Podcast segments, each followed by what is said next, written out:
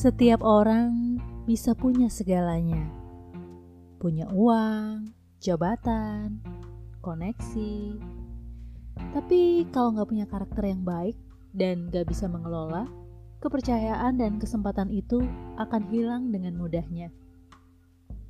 Ada yang dikagumi karena hartanya, karena kecerdasannya, karena keahliannya, karena terpandang, karena statusnya, anak orang kaya atau terkenal, istri pesohor, suami si famous, dan sebagainya. Tapi bila semua embel-embel itu tidak ada, adakah yang masih bisa orang pandang? Nilai. Iya, nilai. Yang membedakan satu dengan yang lainnya, meski terdapat jurang perbedaan status, skill, dan ekonomi, adalah value, nilai yang dipegangnya.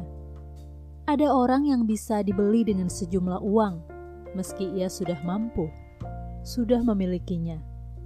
Udah banyak kan kasusnya, orang kaya masuk penjara karena korupsi atau kasus suap. Ada yang tak punya kekayaan, namun hidup menjaga value.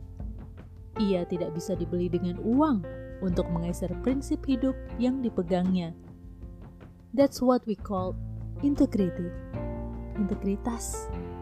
Ada atau tidak ada orang yang melihat, ia tetap berbuat sama.